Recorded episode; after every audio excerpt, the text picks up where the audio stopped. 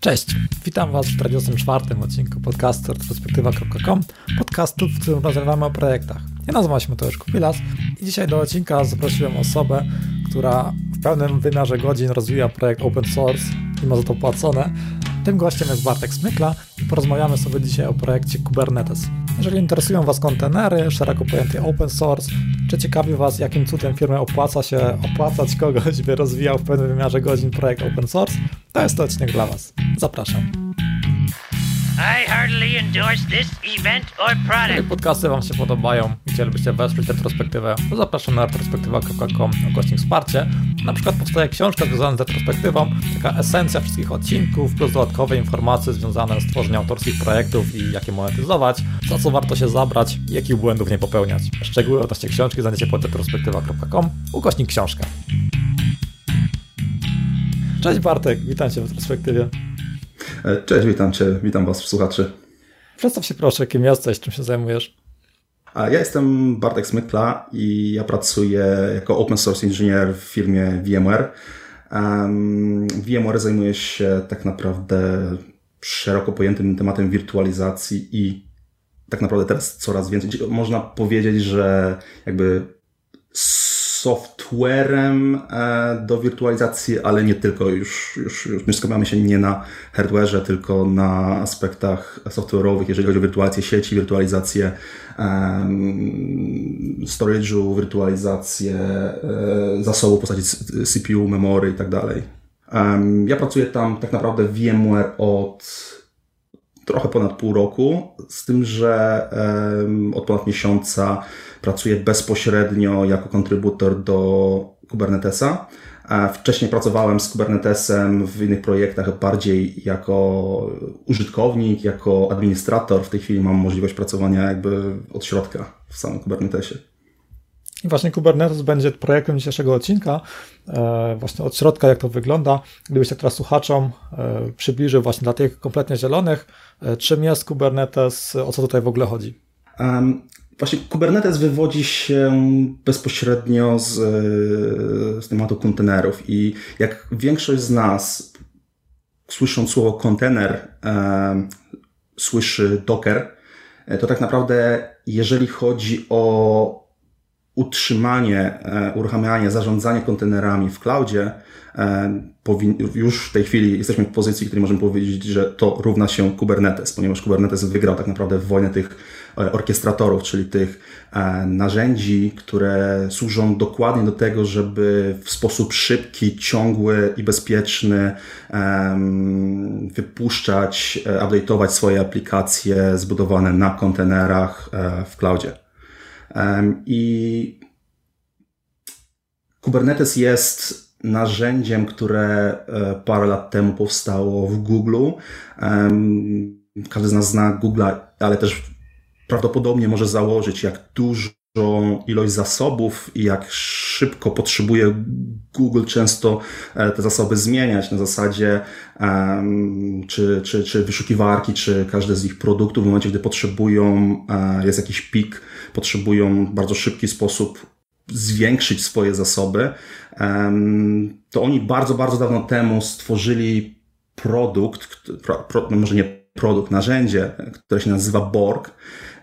Borg jest narzędziem, który dokładnie służy do tego, żeby e, w sposób szybki uruchamiać e, binarki, pliki binarne w momencie, gdy coś się złego dzieje, żeby ubijać te binarki, uruchamiać je ponownie i tak dalej, i tak dalej. I Kubernetes jest takim jakby świeżym spojrzeniem na ten sam temat, ponieważ on ma realizować to samo założenie. Jakby odejście trochę od tego długu technologicznego, który powstał tworząc przez te wiele, wiele lat e, przy Borgu, ponieważ Borg był jednym z pierwszych takich narzędzi na samym początku istnienia firmy Google. E, to 15 czy 10 latach każdy z nas, jakby programistów, może założyć, jak dużo tego długu technologicznego może w takim projekcie być. I Kubernetes sam sobie po pierwsze ma troszeczkę inne założenie. Ma realizować jakby te same cele, ale jednym z ich, ich podstawowych założeń jakby twórców Kubernetesa, ponieważ e, na początku mm, za Kubernetes stoły trzy, są trzy osoby, Joe Bida, Brendan Burns i Craig McLucky. E, zaraz po tym e, dołączają do nich Brian Grant i Tim Hawking i te osoby chcą, aby to narzędzie, ponieważ Borg oczywiście, Borg jest zamkniętym oprogramowaniem w Google, e, Kubernetes powstał z założenia, że on zostanie otwarty, że e, w przyszłości nie tylko Google może być beneficjentem tego rozwiązania, ale też po prostu uzewnętrznią, wydadzą to e, jako open source. I Kubernetes ja też mam czasami z tym, z tym trochę problem, jak próbuję wytłumaczyć, czym jest sama orkiestracja i zarządzanie kontenerami, ponieważ tutaj fajną analogią byłoby, może nie analogią, powiedzeniem, że e, w momencie, gdy zaczęliśmy projektować aplikacje e, w systemy rozproszone, tak, mikroserwisy, w tej chwili projektując takie aplikacje, myślimy już, można powiedzieć, e, o aplikacjach stworzonych w kontenerach. Jakby te kontenery są jakby takim, um, takim centrum tego wszystkiego. Um, ale sam Kubernetes, jego głównym założeniem jest to, żeby nam przyspieszyć zarządzanie tymi kontenerami, żebyśmy usunąć tą barierę e, czynności, których jakby ma, spędzamy na nią, poświęcamy na nią dużą ilość czasu, a która nie dodaje nam tej wartości e, biznesowej, powiedzmy, naszego, naszego produktu. Nie dodaje um, niczego sensownego do rozwiązania, nad którym pracujemy. Jest tylko tym takim kosztem, e, ponieważ e, wcześniej musieliśmy konfigurować serwery, przygotowywać specjalny hardware do, do wszystkiego. Jeżeli chcieliśmy stworzyć nowy produkt, musieliśmy do tego stworzyć jakby fizycznie e, wyznaczyć odpowiednią ilość zasobów, przygotować wszystko e, i to, to po prostu zajmowało dużo czasu, zajmuje dużo czasu dalej. I Kubernetes ma za zadanie ten, ten, ten koszt, ten wysiłek czasowy zmniejszyć. E, ten wysiłek, który jest jakby marnowaniem czasu, zminimalizować. I, i ja lubię po prostu myśleć o Kubernetesie jako takim menedżerze, takim zarządcy, który e, dba o to, żeby nasze kontenery były zdrowe, żeby były bezpieczne, żeby e, dostawało się do nich e, odpowiednie osoby w postaci jeżeli jakieś usługi potrzebują autoryzacji, Kubernetes też to zapewnia, żeby w razie potrzeby, żebyśmy mogli na jednym mm, klastrze umieścić większą ilość produktów albo w jakiś sposób uprościć tą komunikację pomiędzy tymi produktami i tak dalej, i tak dalej. Czy to jest jakby takie trochę pomoc, e, na przykład jeżeli mamy jakąś aplikację i powiedzmy ona działa w jakimś konkretnym środowisku, załóżmy, że jeżeli to jest związane z Java, że na przykład musi być zainstalowana Java 8 i mając taki kontener, e, w którym mamy jakby ten image, czyli to, co tam jakby konfiguruje ten kontener już, już e, zdefiniowane, że tam jest na przykład ta Java 8 i tak dalej, czyli jest jakby tak, tak skontenerowane, e, wrzucone w taką jedną całość i, i aplikacja, w której coś działa i jakby skonfigurowane środowisko, w którym coś działa, że nie musimy sobie konfigurować teraz na serwerze testowym czegoś, tylko wrzucamy tam cały kontener z aplikacją i to już, i to już działa, czy jest coś nie tak w tym moim rozumowaniu? Nie, jak najbardziej, tak. Kontener jest jakby mm, takim runtime'em, czyli zawiera jakby w pigułce w sobie wszystko to, co potrzebne jest do tego, żeby aplikacja żyła. I dlaczego jest to fajne? Ponieważ e, my tworząc aplikację na naszej lokalnej maszynie, tak naprawdę nie, nie musimy myśleć o tym, gdzie ona zostanie uruchomiona ponieważ my wszystko, co potrzebujemy, oczywiście w dużym uproszczeniu, wszystko, co potrzebujemy, zamykamy w tym naszym kontenerze i jeżeli my tylko będziemy mogli ten kontener uruchomić gdzieś, to wiemy, że on zostanie, że efekt uruchomienia tej aplikacji będzie taki sam, jak uruchamiając ją na naszym komputerze. Czyli minimalizujemy ten czas potrzebny do tego, żeby skonfigurować środowisko produkcyjne w taki sposób, żeby działało to w, może nie identycznie, żeby po prostu działało to tak, jak na naszej e, lokalnej maszynie, na której dewelopowaliśmy to rozwiązanie.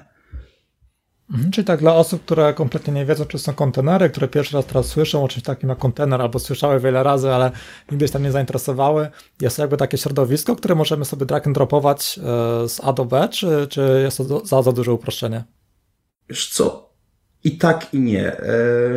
To nie, to nie, nie jest taka sytuacja, w której e, my sobie przesuniemy w jakimś wizualnym edytorze, nie wiem, Windows, tak, pyk, e, czy na przykład, znaczy chociaż, chociaż to zależy, bo tak naprawdę najprostszym, najpopularniejszym mm, sposobem jakby reprezentowania danego kontenera, czy takiego obrazu takiego kontenera jest jakiś plik e, z reguły jamlowy, w którym chociaż nie, nie jamlowy, po prostu plik z konfiguracją, który opisujemy, jakiego system, jaki system operacyjny ma być w tym kontenerze uruchomiony, jakie potrzebujemy, e, jakie są limity do zasobów na przykład, w jakie porty chcemy udostępnić, czy tego typu rzeczy. I to, co, to, to po pierwsze jest w dosyć fajny i prosty sposób dla nas, do, czytając to, jesteśmy w stanie to zrozumieć. I my przede wszystkim to nie jest jakby imperatywny opis dokładnie, co ma się stać w momencie, gdy wstanie nam system operacyjny, e, mówiąc na przykład, że ma zostać uruchomiona ta, ta, ta aplikacja, ma, mamy wejść i zmienić hasło do użytkownika, mamy wejść i na przykład usunąć jakiś tam plik i tak dalej, i tak dalej. Bezpośrednio my my jakby głównym założeniem, znaczy nie głównym założeniem, ale jakby opis kontenera jest mocno deklaratywny deklaratywny, czyli my opisujemy jakby co chcemy uzyskać i nie, nie do końca opisujemy w jaki sposób e, to ma zostać zrealizowane. Z tym, że tutaj sam w tej chwili wszedłem w taką pułapkę, ponieważ nie, nie, nie do końca tak jest, e, ponieważ my możemy również deklarować dokładnie co w tym kontenerze po uruchomieniu ma się stać, z tym, że możemy to uprościć do tego, że opisujemy co chcemy uzyskać, nie opisujemy to w jaki sposób, tego w jaki sposób. Gdzieś widziałem na YouTubie taki właśnie fajny filmik, który tak w dużym uproszczeniu pokazywał temat kontenerów, to było związane e, z transportem towarów, że jeżeli chcemy transportować pianina, to, to spoko, jeżeli chcemy transportować tylko pianina, jeżeli chcemy transportować teraz jeszcze dodatkowo ziemniaki, jakieś whisky, to to między, na, między sobą się miesza i generalnie tworzy konflikty, a mając, mając właśnie kontenery na to wszystko, to tak fajnie to jest właśnie e, poukładane. Teraz to ciężko przytoczyć, ale na pewno pod filmem tę analogię, te, wrzucę ten filmik na YouTube, ponieważ on świetnie tłumaczy, czy są kontenery. Akurat teraz tego ma, nie umiem tak dobrze To ma sens, bo jakby e, kontener jako warstwa abstrakcji, e, on, on ma za zadanie nam usunąć jakby usunąć e, ten obowiązek wiedzenia wszystkiego o architekturze systemu, o samym systemie, o jakby dokładnie, jakie są sterowniki na przykład potrzebne do tego, żeby uruchomić coś, o, o networkingu i tak. Ma za zadanie spłaszczyć to, zmniejszyć to, zmniejszyć tą potrzebę tego czasu i umiejętności tylko i wyłącznie do, do takiego minimum, które musimy wiedzieć, bo musimy jakąś tam podstawową wiedzę mieć z networkingu, tak, żeby wiedzieć, że e, wypuszczając jakiś, jakiś port na świat, e, co się może wtedy stać, albo że, że w ogóle musimy coś takiego zrobić, to, to musimy wiedzieć, ale nie musimy wiedzieć nic, prawie nic poza to minimum, które będzie potrzebne, żeby uruchomić naszą aplikację. Tak? Czyli my w bardzo zwięzły sposób jesteśmy w stanie opisać malutką aplikację, która ma za zadanie wypuścić jakiś API, e, które e, będzie korzystały z niego trzy osoby, ale również większą aplikację e, opisujemy może niewielką niewiele większą ilością linii tak naprawdę opisując ten kontener. W związku z czym to ukrywa jakby tą, tą, ukrywa tą część e, jakiegoś tam dogłębnego zarządzania systemem operacyjnym na przykład. E, I, I to jest fajne, ponieważ pozwala nam skupić się na, na czymś, na tą wartością jakby taką biznesową, na tym takim korze, a usunąć jakby potrzebę e, właśnie do konfigurowania bardzo dokładnie samego systemu. No tutaj, tutaj myślę, część osób będzie nadal trochę zagubionych, to właśnie o tym filmie, mhm. E, o którym mówiłem, to jest 44 odcinek podcastu, to pod e, retrospektywa.com 844. Na pewno podlinkuję ten film, jeżeli nadal nie rozumiecie, czym są kontenery, a chcecie się dowiedzieć, to zapraszam właśnie pod linki z podcastu, tam ten filmik jeden podlinkuję. Naprawdę on bardzo, bardzo maksymalnie prosty sposób tłumaczy, czym jest kontener, więc jeżeli nadal nie rozumiecie, nie ma czego się wstydzić, wejdźcie na retrospektywa.com 44, tam podlinkuję bardzo fajny film, który wyjaśnia tak bardzo, bardzo prosty sposób, czym jest kontener. Sam chętnie go obejrzę, bo też e, w tej chwili uświadomiłem sobie, że jest to faktycznie dosyć ciężko wytłumaczyć, więc myślę... Tak, tak, właśnie dokładnie. Osobie, która jest kompletnie z zewnątrz, jak teraz i wytłumaczyć, czym jest kontener, nie? To jest...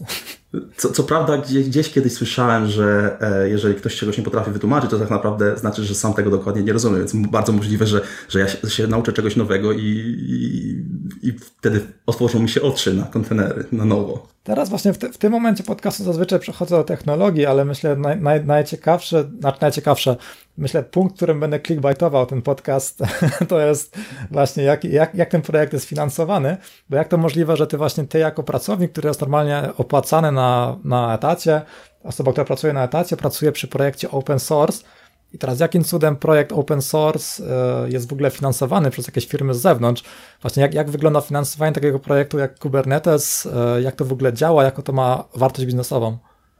I to jest, to jest bardzo ciekawe, ciekawe pytanie, ponieważ um, musimy się zastanowić nad, nad jedną rzeczą. Jaki cel albo jakie cele miałyby takie firmy, żeby wkładać pieniądze w jakiś open source e, projekt. Można się zastanowić nad tym i podejść do tego od strony wizerunkowej, tak? Ok, są firmy, które my chcemy dobrze wyglądać, programiści czy użytkownicy um, dobrze widzą open source, lubią open source, w związku z czym my inwestując w open source jesteśmy lepiej postrzegani przez programistów albo jakieś inne jednostki. Z tym, że e, uważam, że ilość pieniędzy, którą, która jest wkładana w Kubernetesa, ma się nijak jakby do, do tego samego celu, ponieważ te firmy chcą zarabiać po prostu. Na Kubernetesie zarabiają bądź będą zarabiały bardzo dużą ilość pieniędzy. I teraz um, można się zastanowić, ok, ale skoro te wszystkie firmy chcą na tym zarabiać, będą na tym zarabiały, a mówimy tutaj o firmach, wiesz, e, e, AWS, Google, Microsoft, mm, VMware, IBM, Huawei, czy tam jak to się wymawia, tą nazwę tej firmy. W każdym razie to są duże firmy i możemy się zastanowić, ok, to co, one ze sobą konkurowały? Jest Kubernetes, który jest otwartym narzędziem, e, każdy może sobie to odpalić i co, oni podpalają sobie tego Kubernetesa i tyle. E, no i tak i nie, bo firma inwestując swoich pracowników, czy czas swoich pracowników, wkładając jakby zasoby ludzkie do takiego projektu, e, może mieć kilka też, też, też innych jeszcze celi, ponieważ jeżeli mamy Google'a albo Microsoft i ma, e, mamy swoje chmury, gdzie oferujemy zarządzanego Kubernetesa, ponieważ programiści lubią Kubernetesa, biznes już w pewnym momencie zaczyna się domagać tego Kubernetesa też, ponieważ e, widzą w tym jakby czy oszczędności, czy widzą tą jakąś wartość dla nich samych. Okazuje się, że jeżeli jest narzędzie, które ma za zadanie zarządzać czymś, a na przykład my chcielibyśmy jako firma, która um, specjalizuje się na przykład w maszynach, w ogóle w wirtualkach, to chcielibyśmy dodać coś do tego Kubernetesa, tak? Żeby nas coś wyróżniało, albo że, my jesteśmy w tym, w tym lepsi jakby w tym, w tym części. Jakbyśmy, jakby połączyć e, inne nasze usługi i nasze produkty do tego Kubernetesa. I teraz, mm, żeby to zrobić, potrzebuję na przykład zmian w kodzie Kubernetesa. Zmian, które dla nich będą e, jakby oni będą beneficjentem głównym tych zmian. I teraz co by się stało, gdzie firma XYZ przychodzi do projektu, w którym pracują setki, tysiące ludzi, e, który jest bardzo popularny, który ma bardzo dużo um, takiej już trakcji, e, na którym już inne firmy zarabiają i mówi potrzebujemy, żebyście nam dopisali to, żeby, albo my nawet wsadzimy e, jakiś tam kod, ale on ma się znaleźć w, w bazie kodu, nie? To pierwsze, co się dzieje w takim wypadku jest, jest opór, nie? Jest, jest, jest, jest jakaś firma, która coś od nas chce, e, nic od siebie nie, nie dodała i i chce, żeby zmienić na przykład jakieś, jak, coś, co, co już istnieje w tym kodzie, no, no raczej, raczej takiej firmie nie, nie zaufamy. Nie? Jest opór przed tym, jest dużo większy, jakby był taki, byłby taki pushback w stosunku do zaimplementowania tych zmian. Jeżeli oczywiście to nie byłyby jakieś zmiany, które, e, na których skorzystałyby wszystkie te inne firmy, albo, wszystko, albo sam, samo community Kubernetesa. Nie? W związku z czym taka firma, inwestując czas mój czy innych open source e, inżynierów, buduje sobie widzialność takim projekcie. I teraz e, budują sobie widzialność, czyli to jest, to jest, to jest fajna rzecz, bo budują, robiąc fajne rzeczy, dobre rzeczy dla projektu open source'owego, ponieważ jakby takim moją rolą nie jest to, żeby bezpośrednio moja firma na, na mojej pracy zarabiała. E, pośrednio oczywiście tak, ale E, moją główną rolą jest budowanie widzialności naszej firmy w, w open source i w tym wypadku jest to właśnie Kubernetes. I długofalowo, jeżeli na przykład pojawiłaby się jakaś potrzeba, żeby dopisać coś, jakąś funkcjonalność do projektu, gdzie jakby głównym beneficjentem byłaby moja firma, nie do końca jakby nie byłoby jakby potrzeby E, wynikającej e, jakby oddolnie z tego, tego community, że, żeby jakaś ta wartość była um, um, może, może żeby w danej chwili, żeby te, ten feature się pojawił, e, to w momencie, gdy dana firma ma widzialność w tym projekcie większą, będzie dużo łatwiej jej, ją, jej przekonać jakby innych kontrybutorów, czy inne firmy do tego, żeby te, te feature do tego do, do, do, do kodu włożyć, tak? Do tego rozwiązania włożyć.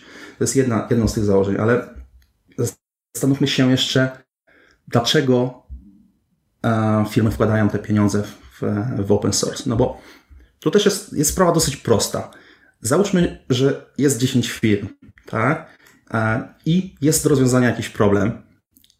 I jeżeli każda z tych 10 firm E, będzie chciała rozwiązać jakiś problem e, od, od nowa, jakby, a to, to są dosyć zaawansowane problemy, dosyć skomplikowane problemy, zarządzanie takimi kontenerami, związane z systemami rozproszonymi i tak dalej, to jak dużą ilość zasobów taka firma musi włożyć, żeby rozwiązać taki problem?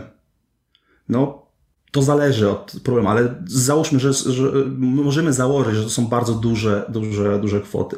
W momencie, gdy mamy dobrze działający open source'owy projekt, który, na którym patrzą tysiące oczu, w którego kontrybują tysiące ludzi, e, jakby oni rozwiązują problemy, o których my w tej chwili nawet byśmy nie pomyśleli, ponieważ ktoś inny natrafił na problem, na który my byśmy natrafili na przykład za, za dwa lata.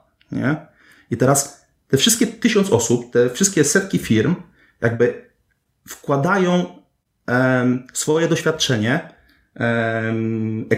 tak naprawdę często eksperckie z różnych, różnych jakby części oprogramowania i razem pchają ten wózek i rozwijają e, dużo lepsze rozwiązanie, które my jako jedna firma bylibyśmy w stanie stworzyć. Nie? nie ma takiej możliwości, żeby w tej chwili pojawiła się, przynajmniej tak mi się wydaje, firma, która wewnętrznie chciałaby sobie stworzyć e, projekt taki jak Kubernetes od zera e, i, i, i sama pchać ten wózek, starając się rozwijać, e, rozwiązywać te problemy. W związku z czym open source daje różne wartości, dużo wartości na różnych frontach. I w tym wypadku to są Mm, z tego co ja kojarzę, Kubernetes jest chyba drugim, zaraz po kernelu um, najpopularniejszym rozwiązaniem open source, toolem open source'owym e, na GitHub, znaczy w ogóle, który jest, jest, jest rozwijany, jest największy, jest, jest, chyba jest w tej chwili największy właśnie hype i największą ilość ludzi, którzy pracują przy Kubernetesie na całym e, GitHubie, z tego co ja kojarzę. A sam fakt, jak ważny jest to projekt jak um, myślę, że ciągle przyszłościowy projekt, to może powiedzieć fakt tego, że czytałem gdzieś jaki wynik jakichś badań, że na 100 największych amerykańskich firm na giełdzie Nasdaq 100% e, w tym roku będzie korzystało z Kubernetesa w bezpośredni bądź pośredni sposób, e, korzystając z jakichś usług e, cloudowych, czy zarządzanego, czy wewnętrznie będą utrzymywać własne klastry. 100% tych firm. W związku z czym mamy ogromną ilo- ogromne pole manewru dla dostarczenia im tego Kubernetesa w jak najlepszej e, dla nich formie. Na przykład w formie, która współgra już z ich istniejącymi rozwiązaniami, w formie, w, e, która pozwoli im połączyć ich wewnętrzne, wewnętrznego clouda z jakimiś zewnętrznymi prowajderami i tak dalej, i tak dalej. Ja trochę rozgadałem na ten temat, ale to jest dosyć, dosyć ciekawe od strony mnie, jakby jestem, muszę przyznać się bez bicia, że jestem pierwszy raz w, od środka mam możliwość patrzenia na taki, taki projekt i jak, w jaki sposób to jest rozwiązywane i mam możliwość pracowania z takimi mózgami, że, że tak powiem, jest mi czasami wręcz wstyd się odezwać i e, po prostu tak, tak dużo mądrych głów pracuje przy tym. Odnośnie właśnie tej twojej pracy, bo gdy wrzuciłem na Facebooka informację właśnie, że będzie podcast e, z osobą, która zajmuje się full-time e, open source'em, to pojawiło się właśnie, pojawiły się takie pytania właśnie, jak, jak, jak wygląda w ogóle taka praca osoby, która jakby full-time e, kontrybuuje do open source'u, czy ty po prostu wchodzisz na jakiś projekt na GitHubie, patrzysz, jakie tam jest open issue i zaczynasz pracować, czy masz po prostu od pracodawcy konkretne zadanie, że tutaj w tym chcielibyśmy to rozwinąć? To jest zdecydowanie bliżej temu pierwszemu, um, dlatego że um, to jest fajna rzecz. To jest bardzo fajna natura mojego zespołu i właśnie takich zespołów e, ja też je trochę odkrywam ciągle, ale e, coś, co mi bardzo odpowiada, bardzo mi się podoba, to to, że i to jest troszeczkę też ciężkie, że ja nie dostaję listy tasków, które mam zrobić. My nie mamy roadmapy yy, narzuconej przez jakiegoś mojego menedżera, czy na przykład mojego team leada, który mi powie, ok, chcemy zrobić to, to, to i to i ty się skupiasz nad tym, nad tym konkretnym kodem. Tylko moim zadaniem jest to, że ja w tej chwili na przykład siedzę na Slacku e, kubernetesowym e, i, i widzę i, i obserwuję, co się dzieje, tak? W czym jest potrzebna pomoc. I teraz Mój team lead na przykład e, pokazuje mi na przykład, które są według niego albo według nas jako firmy fajne e, jakby pola w, w tym Kubernetesie, w którym my moglibyśmy być przydatni. E, I teraz moim zadaniem jest to, żeby po, pierwsze e, pojawić się jakby w tym, w tym community, zaoferować swoją pomoc i po prostu robić jakieś zadania, które będą przydatne dla, dla całego tego projektu, dla całego tego community. My nie mamy e, żadnego parcia, jeżeli chodzi o to, ok, VMware chce, żebyśmy na przykład wdrożyli, e, nie wiem, coś, co, VMware potrzebuje. My, jako mój zespół open source'owy, nie, ma, nie mamy w ogóle takiego parcia.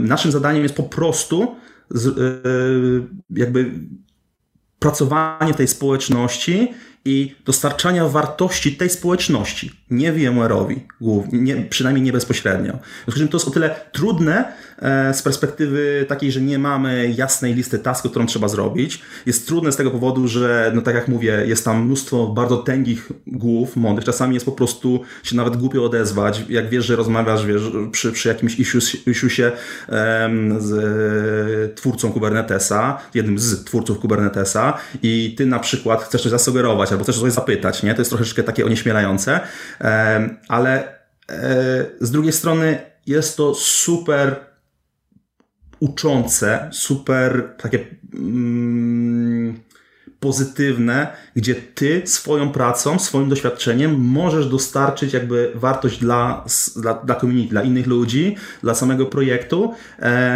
gdzie twoim bezpośrednim celem nie jest to, żeby twój produkt zarabiał, nie?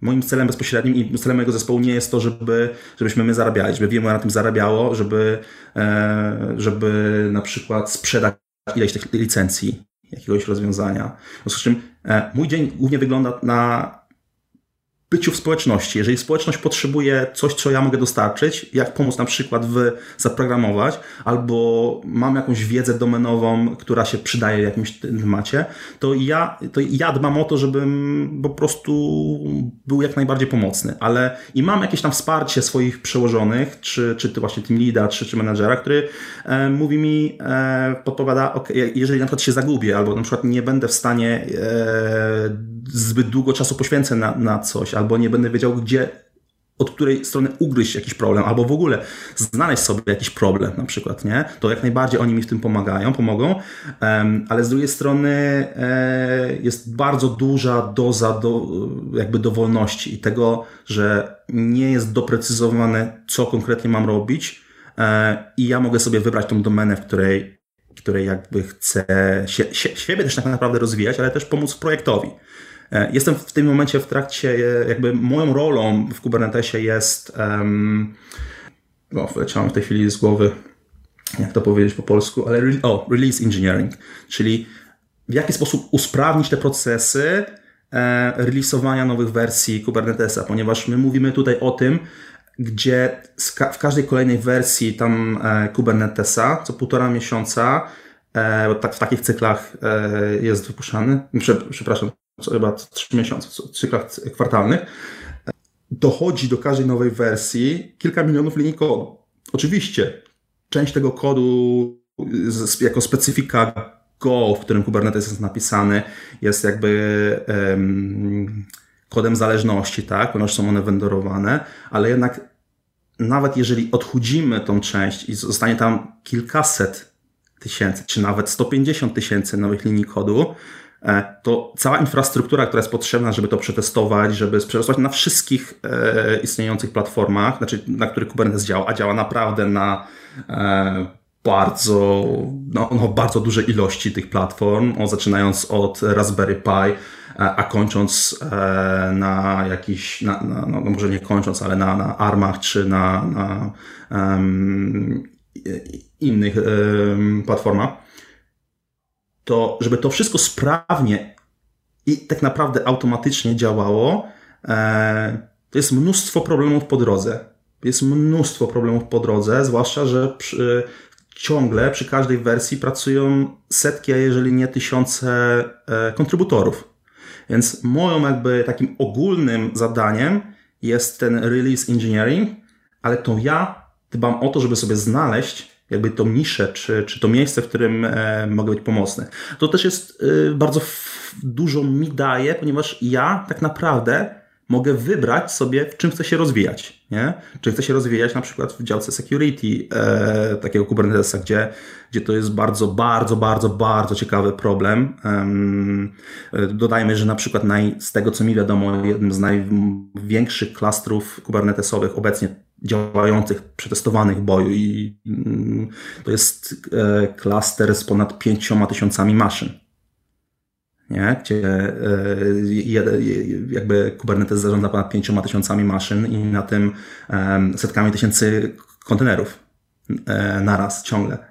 Więc te, te problemy są, skala tych problemów jest bardzo duża i te problemy są bardzo ciekawe i mi to daje bardzo dużą swobodę i możliwość e, jakby rozwinięcia się w jednym z kierunków, które ja uważam za e, interesujące dla mnie, a firma mi w tym pomaga.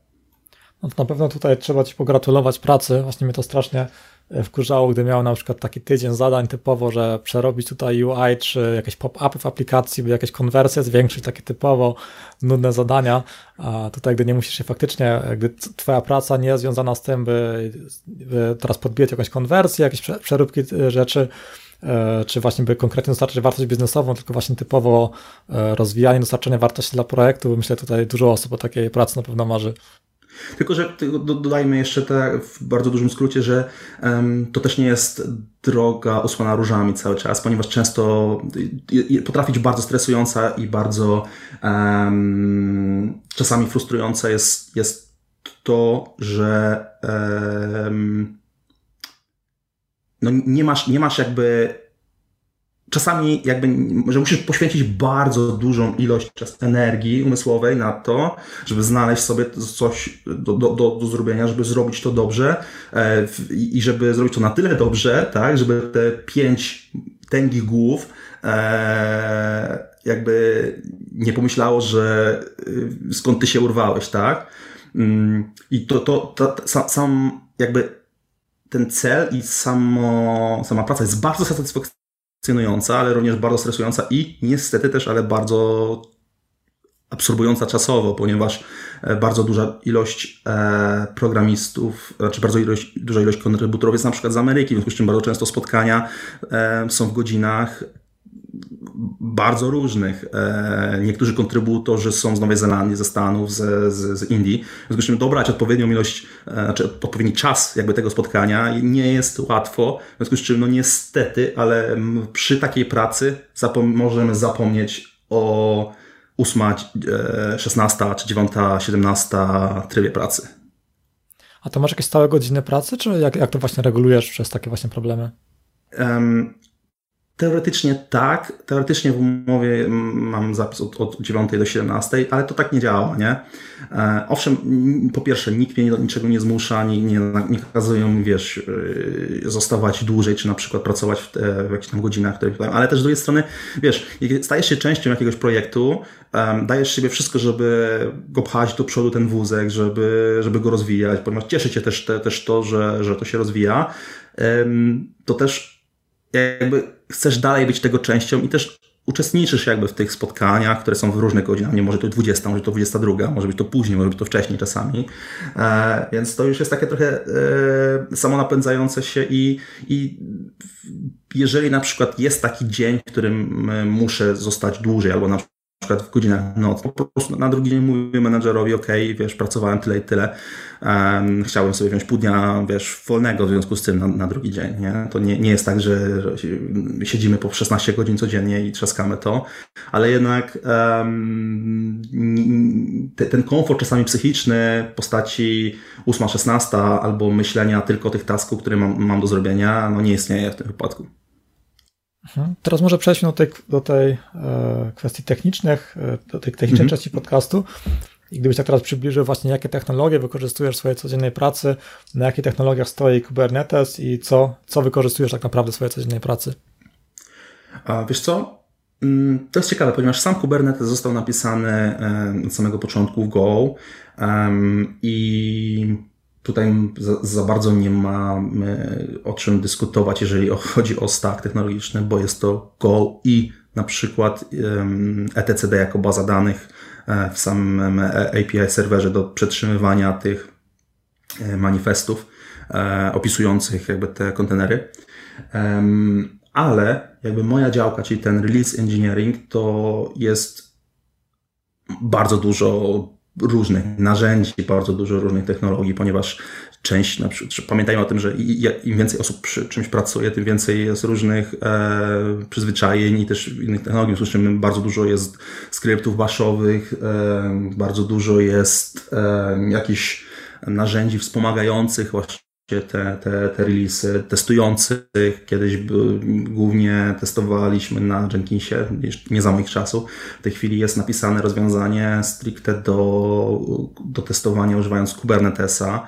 Um, i, ale na, na co dzień jakby takim narzędziem, jakby taką technologią, którą jest takim corem moim, to jest jednak Go. Na co dzień pracuję i, i, i piszę Go.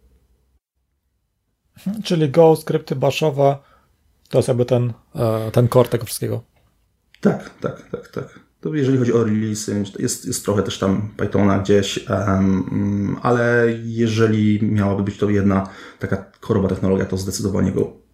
Mhm. Teraz chciałbym zapytać o marketing. Czy jest tam w ogóle jakiś marketing, bo w przypadku jakichś tam projektów, które faktycznie e, muszą się gdzieś sprzedać, czy coś, to marketing jest jakiś istotny, a w przypadku Kubernetes, e, jak to działa, skąd się w ogóle ludzie o nim dowiadują? Nie wiem, czy, czy właśnie tej działce w ogóle coś wiesz, że tak chciałem podpytać właśnie, czy wiesz coś e, na, temat, na temat tego. Um nie, nie, wiem, że tak od środka, ponieważ Kubernetes jest w tej chwili, został przekazany przez Google jakiś czas temu do e, fundacji, która się nazywa CNCF, Cloud Native Computing Foundation.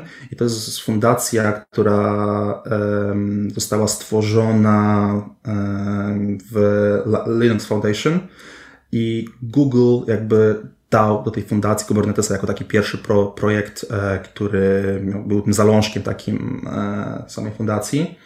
I z tego, co mi się wydaje, e, nie, nie, nie przeznaczają pieniędzy na marketing w postaci już jakichś reklam czy coś, czegoś takiego, bo też tak jako myśl, myślę, że raczej nie ma takiej potrzeby, ponieważ każda firma, która e, korzysta z Kubernetesa, jakby Kubernetes staje się tym czymś, e, co ludzie chcą mieć. Nie? Więc czy Microsoft e, w Azure, czy e, w AWS-ie, e, Amazon, mm, czy, czy samo, sam Google jakby oferuje produkty na Kubernetesie i to Kubernetes staje się tak naprawdę tym, mm, tą, taką wartością sprzedażową tych usług. Jedną z wartości tych sprzedażowych tych usług i um, na pewno Kubernetes um, jest przynajmniej trzy albo cztery konferencje, duże konferencje, na pewno w Stanach, e, jedna jest w, w Azji, jedna w Europie, KubeCony, gdzie możemy to trochę uznać za takie narzędzie marketingowe, myślę, e, ale z tego, co mi wiadomo, to oni bezpośrednio nie, nie, nie wkładają żadnych pieniędzy na jakieś e, kampanie reklamowe na przykład. Tak sobie teraz właśnie na szybko pogooglałem, e, widzę, że Kubernetes ma jakiś oficjalny kanał YouTube'owy i tu jest właśnie sporo jakichś treści, czyli na pewno na pewno trochę inwestują w content marketing, że po prostu ich, ich marketingiem jest ułatwianie dostępu do tego narzędzia, popularyzowanie go przez materiał edukacyjny. Myślę, to jest taka. Zdecydowanie. To też, też, też pamiętajmy o tym, że mm, są firmy, które, jako że mm, jest bardzo duże zapotrzebowanie na specjalistów, e, na ludzi, którzy pracują w Kubernetesie, z Kubernetesem, wokół Kubernetesa, e, powstają firmy, które specjalizują się na przykład w enterprise supporcie dla Kubernetesa i takim firmom również będzie zależało na tym, żeby ten Kubernetes stał się popularny, ponieważ jeżeli ich główną wartością sprzedażową, czy, czy ich głównym biznesem jest to, żeby sprzedawać ten support do tego Kubernetesa, to oni chcą, żeby widzialność Kubernetesa była jak największa. Nie? W związku z czym my mamy taką samą napędzającą się maszynę, w, którym, e, w której mamy firmy jakichś dużych vendorów, czy, czy firmy, które y, oferują komercyjny support do Kubernetesa, czy firmy, które certyfikują, znaczy firmy, no, sam CNCF certyfikuje z, z, jakby z Kubernetes Tesa e, certyfikuje też chociażby produkty, e, które oferują Kubernetesa w jakiś tam sposób. I, i myślę, że to jest taka fajna, fa, fa, fajna sytuacja, w której e, jakby zyskuje się tą wartość marketingową poprzez te wszystkie inne firmy, które korzystają z samego tego Kubernetesa. Nie? W związku z czym im więcej materiałów e, powstaje e, o Kubernetesie, e, to buduje też markę Kubernetesa, to buduje też jakby tą widzialność tego projektu. Jest bardzo duże zapotrzebowanie na warsztaty, jeżeli chodzi o Kubernetesa, bo ta wartość jakby mm, ta, ta krzywa uczenia jest na początku jest dosyć, dosyć, dosyć wysoka, tak? E, w związku z czym ludzie też chcą się tego nauczyć. Jest bardzo duży szum, e, bardzo dużo się mówi o Kubernetesie, w związku z czym jest duże też sanie na materiały na ten temat, w związku z czym tych materiałów coraz więcej powstaje, w związku z czym ta marka jest coraz bardziej promowana e, i powstają książki na ten temat, powstają właśnie warsztaty, powstają kursy i to myślę, że to się dzieje bardzo dużo oddolnie że oni jako, jako CNCF um, jak najbardziej tak wkładają, ale też myślę, że, że dużo pomagają. Pomagają po prostu tym, mm, e, którzy chcą jakby coś fajnego stworzyć e, i jakby ich, ten, ich jakby to, te działania wiążą się też jakby z pomocą e, w tym zakresie innym podmiotom. No to bardzo fajny case, cały taki ekosystem powstał, gdzie tak naprawdę masę podmiotów to promuje i zależy i na tym by to było promowane, że nie, jest to tak no, nie, nietypowy case, ale, ale na pewno warto się temu przyjrzeć. Tak, mm, to jest, to jest ciekawy problem. No takie, takie właśnie, patrząc, nie wiem, na polskim rynku chyba nie ma nic takiego, tak nie, nie kojarzę, to raczej to takie międzynarodowe rzeczy, tylko takie właśnie e, duże ekosystemy, gdzie naprawdę się tak nakręca właśnie jak tego typu projekt. No też, też w sumie nie znam jakoś, nie, nie, nie, tak naprawdę nie zagłębiałem się na tym bardzo dużo, ale nie, nie kojarzę. No właśnie starałem się na coś pomyśleć, ale tak naprawdę nie, ma, nie mam pomysłu. I... Chociaż wiem, że, że są e, na przykład React Native jest bardzo mocno przez e, tak, chyba wrocławską albo krakowską firmę e, Callstack się chyba nazywa, mocno wkładany i tam oni są dosyć, dosyć mocno widzialni. Ale to wiadomo, React Native nie jest, należy do Facebooka, więc... Mhm, tu już chyba przeszliśmy przez wszystkie punkty, o które chciałem zapytać. Jeszcze chciałem właśnie e, na koniec podpytać tylko o plan na przyszłość e, z Kubernetes, w jakim kierunku to w ogóle e, zmierza, nad, nad, nad czym tam aktualnie właśnie naj, najintensywniej trwają prace? Wiesz co, to jest, jest tak dużo pracy na tak wielu frontach, że ciężko jest jakby odpowiedzieć na to pytanie, ale um, co jest ciekawe, co się dzieje, naprawdę ciekawych rzeczy, to to, że um, Kubernetes już w tej chwili umożliwia Ci chociażby nawet usunięcie samych kontenerów e, z, z, samego Kubernetesa i na przykład już są rozwiązania e, typu um, kata containers, gdzie, czy, czy, gdzie jakby każdy um, twój kod jakby jest uruchamiany jakby w wirtual, mini wirtualnej maszynie, a nie w samym kontenerze. W związku z czym, związku z czym jakby tu się dużo dzieje rzeczy um, bardzo wszelakie. A sam Kubernetes pomógł też tym, ponieważ jakiś czas temu oni udostępnili e, coś, co się nazywa CRD, e, Custom Resource Definitions, gdzie e, pozwalają na to, żebyś to ty jakby tworzył sobie te abstrakcje i, i, jakby dopisywał sobie dynamicznie te cząstki, które tobie są potrzebne, nie? W związku z czym my w tej chwili Kubernetes stał się platformą, która się rozwija na wow, na chyba wszystkich możliwych frontach. Sam fakt tego, że już powstało w tej chwili coś, e, co pozwala ci e, korzystając z tego e, Custom Resource Definition, jakby stworzyć nowy klaster Kubernetesa w Kubernetesie. Nie? Jesteś w stanie e, z, w środku z Kubernetesa w stanie sobie kompletnie postawić nowy klaster Kubernetesa. Coś jak napisać Minecrafta w Minecrafcie. No, myślę, że, że tak, że to bardzo fajne rzeczy są. Ja też um, nie potrafię Ci odpowiedzieć na, na nie konkretnie, w którym kierunku to wszystko idzie, bo, bo jest naprawdę tych kierunków bardzo dużo, ponieważ jest bardzo dużo sponsorów y, Kubernetesa, bardzo dużo firm, które są tym zainteresowane, bardzo dużo firm, które starają się jakąś tam wartość dodaną sobie stworzyć, dać, jakąś tam niszę wykreować w tym, ten kawałek tortu jakby um, ugryźć i jest naprawdę, naprawdę dzieje się ogromna ilość rzeczy wokoło tego. No, to myślę na pewno masa słuchaczy będzie chciało sobie sprawdzić właśnie szczegóły na temat tego projektu, bo naprawdę jest to tak ogromny temat, tak jak mówisz właśnie, że e, ciężko teraz powiedzieć, że jest tylko jedną właśnie z masy osób, która nad tym pracuje, w jakim to kierunku dokładnie zmierza i czy no to, e, i po prostu to całe ogarnąć jako całość. Tak, Kubernetes jest bardzo ciekawym. To jest, jest, stworzyło się jakby cały ekosystem, jakby stał się platformą przeogromną, przeciekawą e, i bardzo, bardzo umożliwiającą bardzo wiele. No to bardzo Ci dziękuję, że, że podzieliłeś wszystkimi informacjami. Na pewno poproszę Cię po podcaście, żebyś mi podrzucił najważniejsze linki, Twoim zdaniem, właśnie dla osób, które chcą zacząć z Kubernetesem, e, by po prostu nie, nie czytać sobie wszystkiego, bo tego na pewno jest masę, byś po prostu mi podrzucił tak dwa, trzy, cztery linki, które są Twoim zdaniem najważniejsze e, związane z Kubernetesem.